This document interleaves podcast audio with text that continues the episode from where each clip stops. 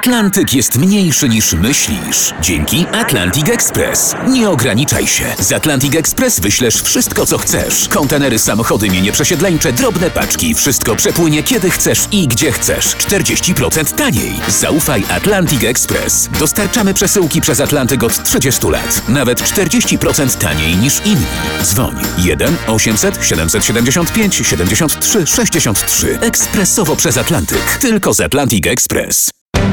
Na program zaprasza jego sponsor, Parlament Europejski. Tak, Unia porządkuje rynek cyfrowy. Nowe przepisy o usługach i o rynku cyfrowym mają ograniczyć wpływ gigantów internetowych, takich jak Google czy Facebook, na demokrację, gospodarkę i społeczeństwo, a także chronić przed nimi słabszych, mniejszych konkurentów.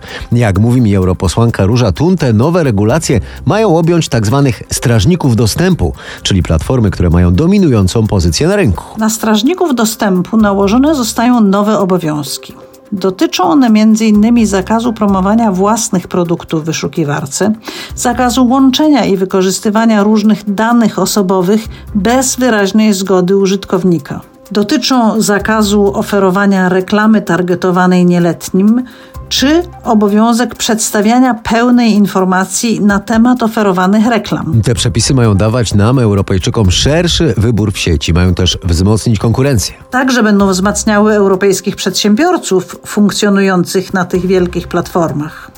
Zdrowa konkurencja będzie oznaczała szerszy wybór, lepsze usługi i niższe ceny dla konsumentów. No ale jak Unia wyegzekwuje na potęgach internetu y, stosowanie tych przepisów? Komisja będzie miała prawo nakładać kary na strażników dostępu za niestosowanie się do tych przepisów, a mogą one wynosić aż do 20% światowego obrotu.